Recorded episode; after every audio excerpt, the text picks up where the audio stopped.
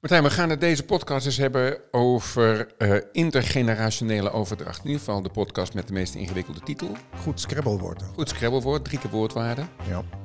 Ik heb ooit bij Scrabble het woord hondenbabykontje gelegd.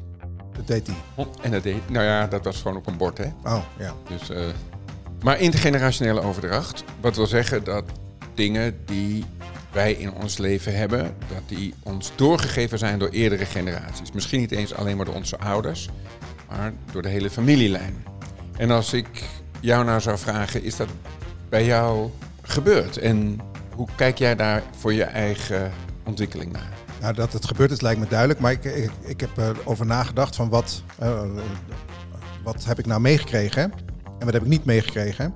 En uh, ik vind dat ik enorm veel geluk gehad heb. Ik denk dat ik best een, een pakketje uh, meegekregen heb waar ik wat mee kan en wat ik ook weer kan doorgeven. En zo. Dus okay. um, kijk, ik kan er best wat, wat verzinnen. Ik bedoel, bij ons thuis was helemaal geen sportcultuur. Zo, mm -hmm. dus werd niet heel belangrijk gevonden of ik won met sporten of zoiets. Dus. Uh, daar, nou ja, maar dat is spijkers op laag water bijna. Hè? Dus uh, als het gaat om de, om de kern, dus liefdevol, ja. begripvol, mm -hmm. wordt gepraat, dat, dat, dat soort dingen, uh, dat was allemaal dik in orde. Oké. Okay. Toch gaan we het erover hebben. Heel goed idee. Je luistert naar de 018 Bennis en Podcast. De podcast over de ontwikkeling van kinderen tussen de 0 en 18 jaar. De podcast wordt gepresenteerd door twee vaders. Steven Pont, ontwikkelingspsycholoog en systeemtherapeut, oprichter van het internetplatform 018. En voormalig journalist Martijn Bennis, tegenwoordig directeur van het ANP.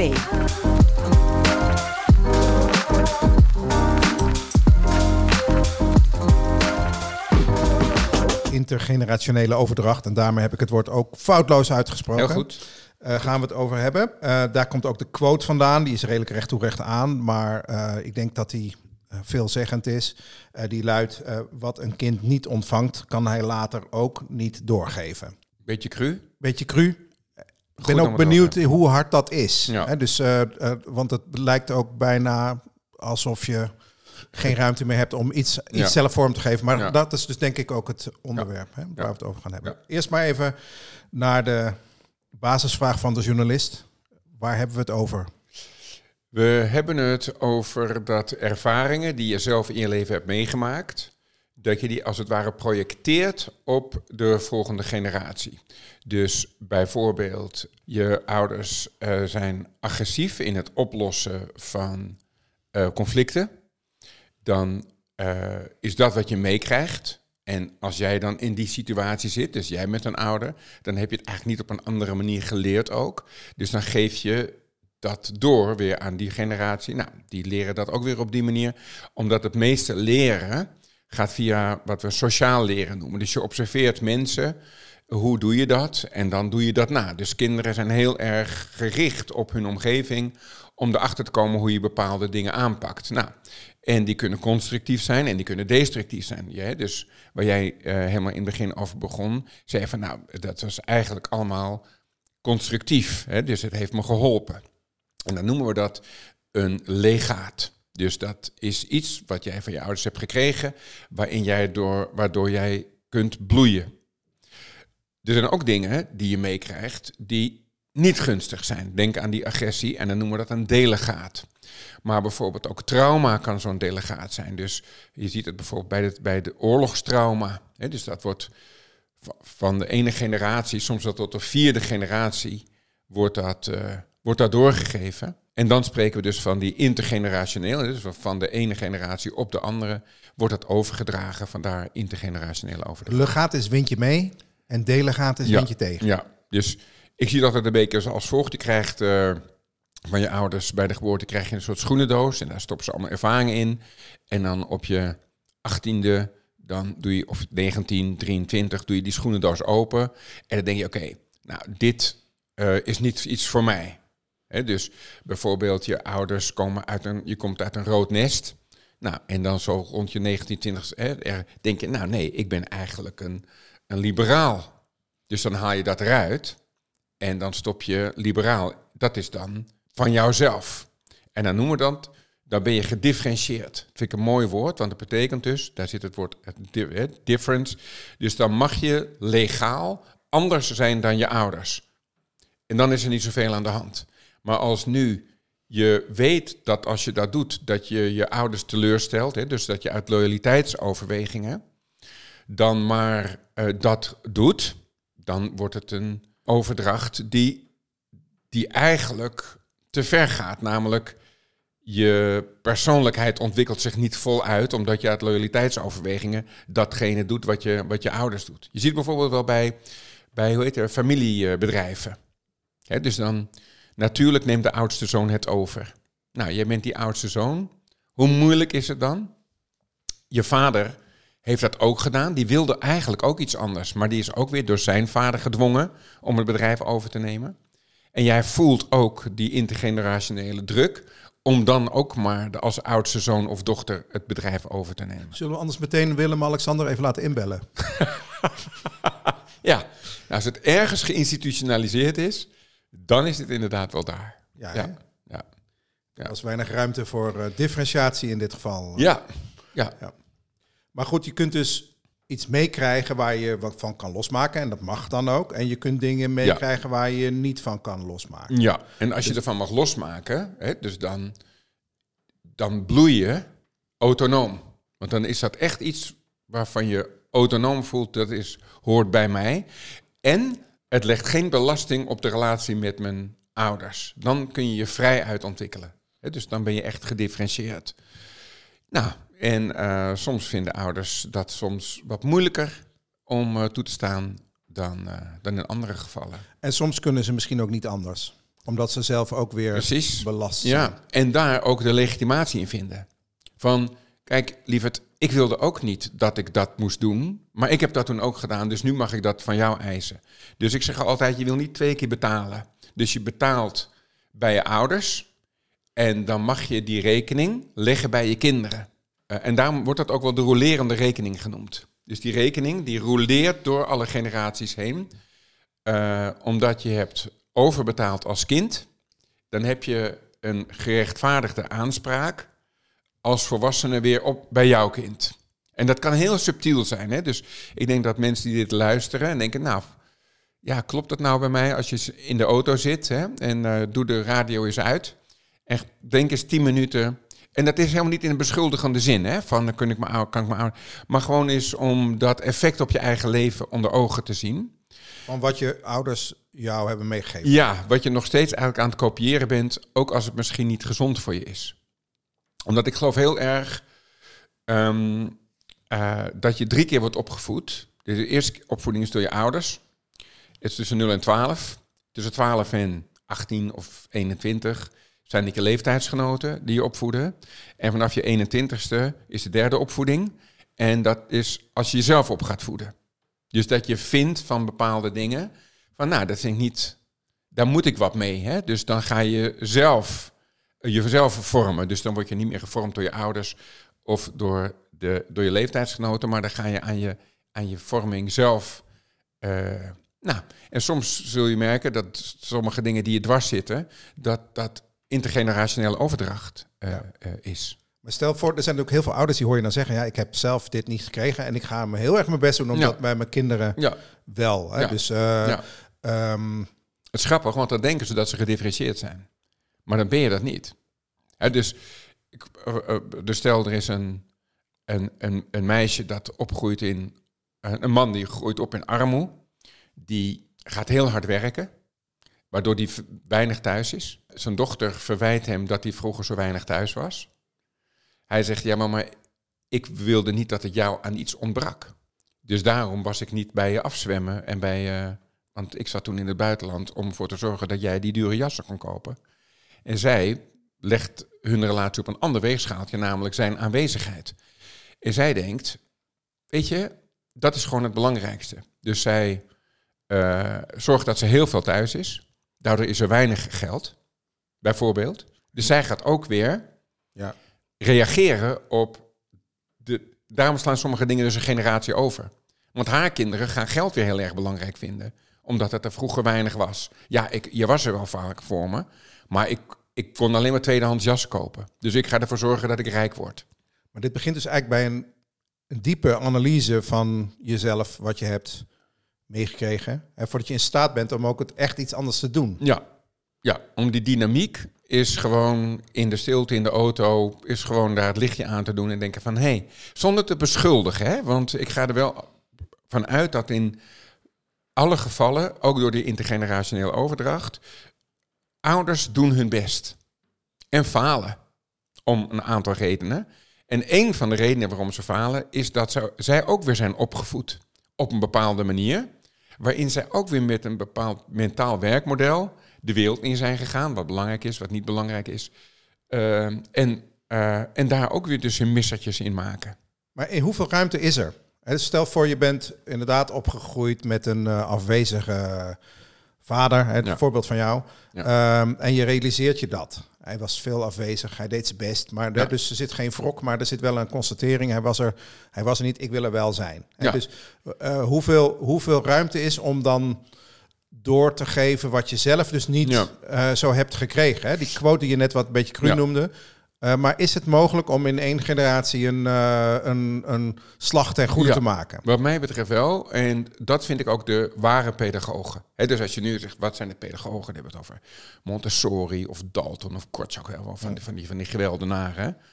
Ehm, terwijl ik denk, nou, de ware pedagogen zijn de mensen dus die iets hebben negatiefs hebben gekregen en die rekening niet bij hun kind leggen. En het stopt hier. Dus ik heb, dus we zitten al in een generatie van dat er, dat er geslagen wordt. Hè, dus je ziet ook, dat wordt ook intergenerationeel doorgegeven. En dan zegt iemand, ik niet meer. Dus ik ben geslagen, dus ik ben entitled. Dus ik heb eigenlijk recht, intergenerationeel gezien, op de malle manier. Zo van doen wij van Dijkjes dat. Wij voeden om met strakke hand. Ik zeg ook, en, en, en, sommige mensen zeggen dan, ik ben er niet slechter van geworden. denk ik, nou, dat is om je ouders te beschermen. Ja. Hè, om, en die dus werkelijk een gedragsverandering ten goede uh, weten te bewerkstelligen, terwijl het ze niet is voorgeleefd. En dan ga je dus die derde opvoeding in. Dan vind je dat van jezelf. En wat is er voor nodig om daar te komen?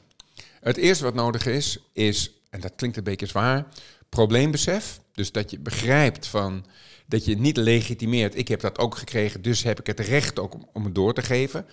Ofwel hetzelfde of diametraal tegenovergestelde, hè, waar we het eerder over hadden. Dan doe je het ook, maar dan, dan anders. Doe je het juist helemaal de andere kant op. Dus dan verdien je bijna helemaal niks, maar je bent wel uh, altijd thuis. Nou, en dan ja, denk je dat, je dat je los bent. Nee, de bron is nog steeds de intergenerationele overdracht. Alleen je hebt de andere kant daarvan ja. uh, uh, gekozen. Dus dat begint het met, hey, van wat, wat zijn de structuren daarin? He, dus, en, en, en motivatie om het, om het te veranderen. Want veranderen gaat altijd van oud. En misschien helpt het ook, die tweede opvoeding waar je net over had. Ik neem die term gelijk over, ja, ja. maar want ik snap wat je bedoelt. dat je misschien ondertussen, tussen je twaalfde en je twintigste, ook wat andere dingen hebt gezien. Precies. Precies. Dus dan is het je voorgedaan, maar het is niet je voorgeleefd. Dus je ziet dat het ook anders kan. Dat kan je inspiratiebron zijn, dat je denkt zo wil ik het ook. Maar dat wil niet zeggen dat je meteen de vaardigheden hebt om dat ook te doen. Uh, want het is heel makkelijk om te zeggen, ik ga mijn kind niet meer, meer slaan, bijvoorbeeld. Uh, totdat de spanning zo hoog oploopt. En dan gebeurt het vaak toch. Hè? Dus geen enkele, weinig ouders denken ik ga dit en dit zo doen als mijn, als mijn kind geboren is. Maar het is zo doordringend, die ervaringen die je als kind zelf hebt opgedaan, dat het echt moeilijk is om daar een tegenkracht voor te ontwikkelen. En dat, dat, dat, dat is moeilijk. Dat is moeilijk. Die vraag die jij net aan mij stelde, hè? dus zijn er bij jou dingen die, uh, die uh, waarvan je zegt dat had uh, nog wel in het pakketje erbij gemogen of juist liever niet? Mijn opa is vermoord in Auschwitz. En ik denk dat dat wel iets meer aandacht had kunnen krijgen. Er is eigenlijk hè, wat, wat, je, wat je heel veel hoort hè, van die, uit die periode. Van nou, we, we trekken Nederland uit de, uit de poep en uh, wat gebeurd is, is gebeurd. En ik begrijp het. En ik begrijp ook dat het om de goede reden is gebeurd. Namelijk om uh, mijn broer en mij waarschijnlijk niet te belasten. Uh, in feite het trauma niet door willen geven misschien. Ja, zeker. Zeker. Maar uh, dat, dat is de, de, goede, de, dus de intenties zijn eh, goed geweest. En toch is het deel van wie je bent en ook deel van wat er thuis verder gebeurde rond het Joodse geloof. Ik ben zelf niet Joods, maar mijn opa was dat wel. Als ik iets zou moeten noemen, dan zou dat het, uh, zou dat het zijn. Is dat, je zegt eigenlijk van dat jouw ouders hebben dat misschien wat geforceerd weggehouden. Waar het die generatie daarvoor heel dominant aanwezig ja, was. Dus met dat, dat was toen gewoon ook te doen gebruikelijk. Dus ook bij, bij ons thuis had dat niet zo heel veel aandacht. En dat, ik geloof niet dat dat zo heel veel dingen heeft gedaan in mijn dagelijks functioneren nu. Maar ik zie wel dat, dat daar enige intergenerationele overdracht heeft plaatsgevonden. Tussen mijn moeder met name en, uh, en mij. Dat de dingen zijn wel bij haar geblokt. Ja. Als je het hebt over trauma, hè, dus... Uh je hebt er wel eens over derde en misschien zelfs vierde generatie ja. oorlogsslachtoffers. Hè? Ja. Hoe werkt dat? Nou, omdat um, een, aantal uh, dingen. Dat we bijvoorbeeld zien bij trauma. Dus als, je, als, als een moeder getraumatiseerd is en ze is op dat moment zwanger, dan worden ook dingen in het brein van de baby ontwikkelen zich, kunnen zich anders ontwikkelen. Dus dan wordt het, is het ook een fysiek oh. uh, uh, gedeelte. En voor de rest, ja, gewoon zoals, als iets in drie generaties doorgegeven wordt, dan kan het ook in zes generaties worden doorgegeven. Bijvoorbeeld een, een man die uh, had de droom om onderwijzer te worden. Uh, maar al sinds 1768 zijn in die bloedlijn zijn alle oudste zonen steeds rabbijn geworden. En hij is de oudste zoon. Dus dat is niet meer een, een, vrije keuze. Hij verraadt niet alleen voor zijn gevoel zijn vader, maar ook zijn opa. En voor iedereen in die lijn. Dus dat is een enorm belaste uh, geschiedenis.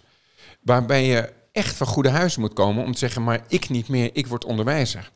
Omdat je dan dus uh, een enorme ballast eigenlijk met je, een soort verraad, hè, een soort intergenerationeel verraad. En zeker als dat dan ook nog door grootvader en door vader zo op je bordje wordt gelegd. Misschien wel omdat zij dat ook verplicht hebben gedaan. Dus de rekening bij jou neerleggen. Ik heb het verplicht moeten doen. Dat is die rolerende rekening.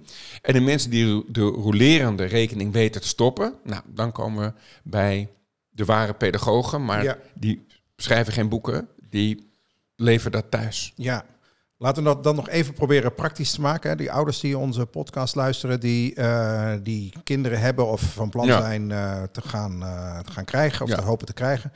Die maken een analyse van hun ja. eigen bagage. Ja. Wat is dan, wat zou je zeggen, is de, dan de stap? Hè? Ze willen het beste voor hun kinderen. Dat willen volgens mij alle, ouders. Dus hoe kan je, hoe kan je je differentiëren? Ja, dus corrigeer, maar je moet oppassen voor overcompensatie. Dus dat, dat je. is die uh, rijk en dan afwezig juist, enzovoort. Juist. Ja. He, dus dat je het zo ver doorvoert dat dat op zich ook weer een ballast kan betekenen. Ja. Uh, het begint dus bij besef en dan bij het werk om dat uh, te doen. En soms is daar bijvoorbeeld in die derde opvoeding. Kun je bijvoorbeeld ook een cursus volgen of een therapeut in de hand nemen of dus uh, er zijn mensen die, die, voordat ze kinderen krijgen, in therapie gaan om, omdat ze willen dat zij die pedagoog zijn waar de doorgegeven regeling uh, stopt. En de intergenerationele overdracht dus ook een halt wordt toegeroepen. Ken u zelf. Ken u zelf, ja. Ken u zelf is niet zozeer een plezier aan jezelf, maar ken u zelf is vooral een plezier aan je omgeving. Je hebt geluisterd naar de 018 Bennis en Podcast. Heb je vragen of suggesties? Mail dan naar podcast.018.nl 018 schrijf je als NUL en dan het getal 18.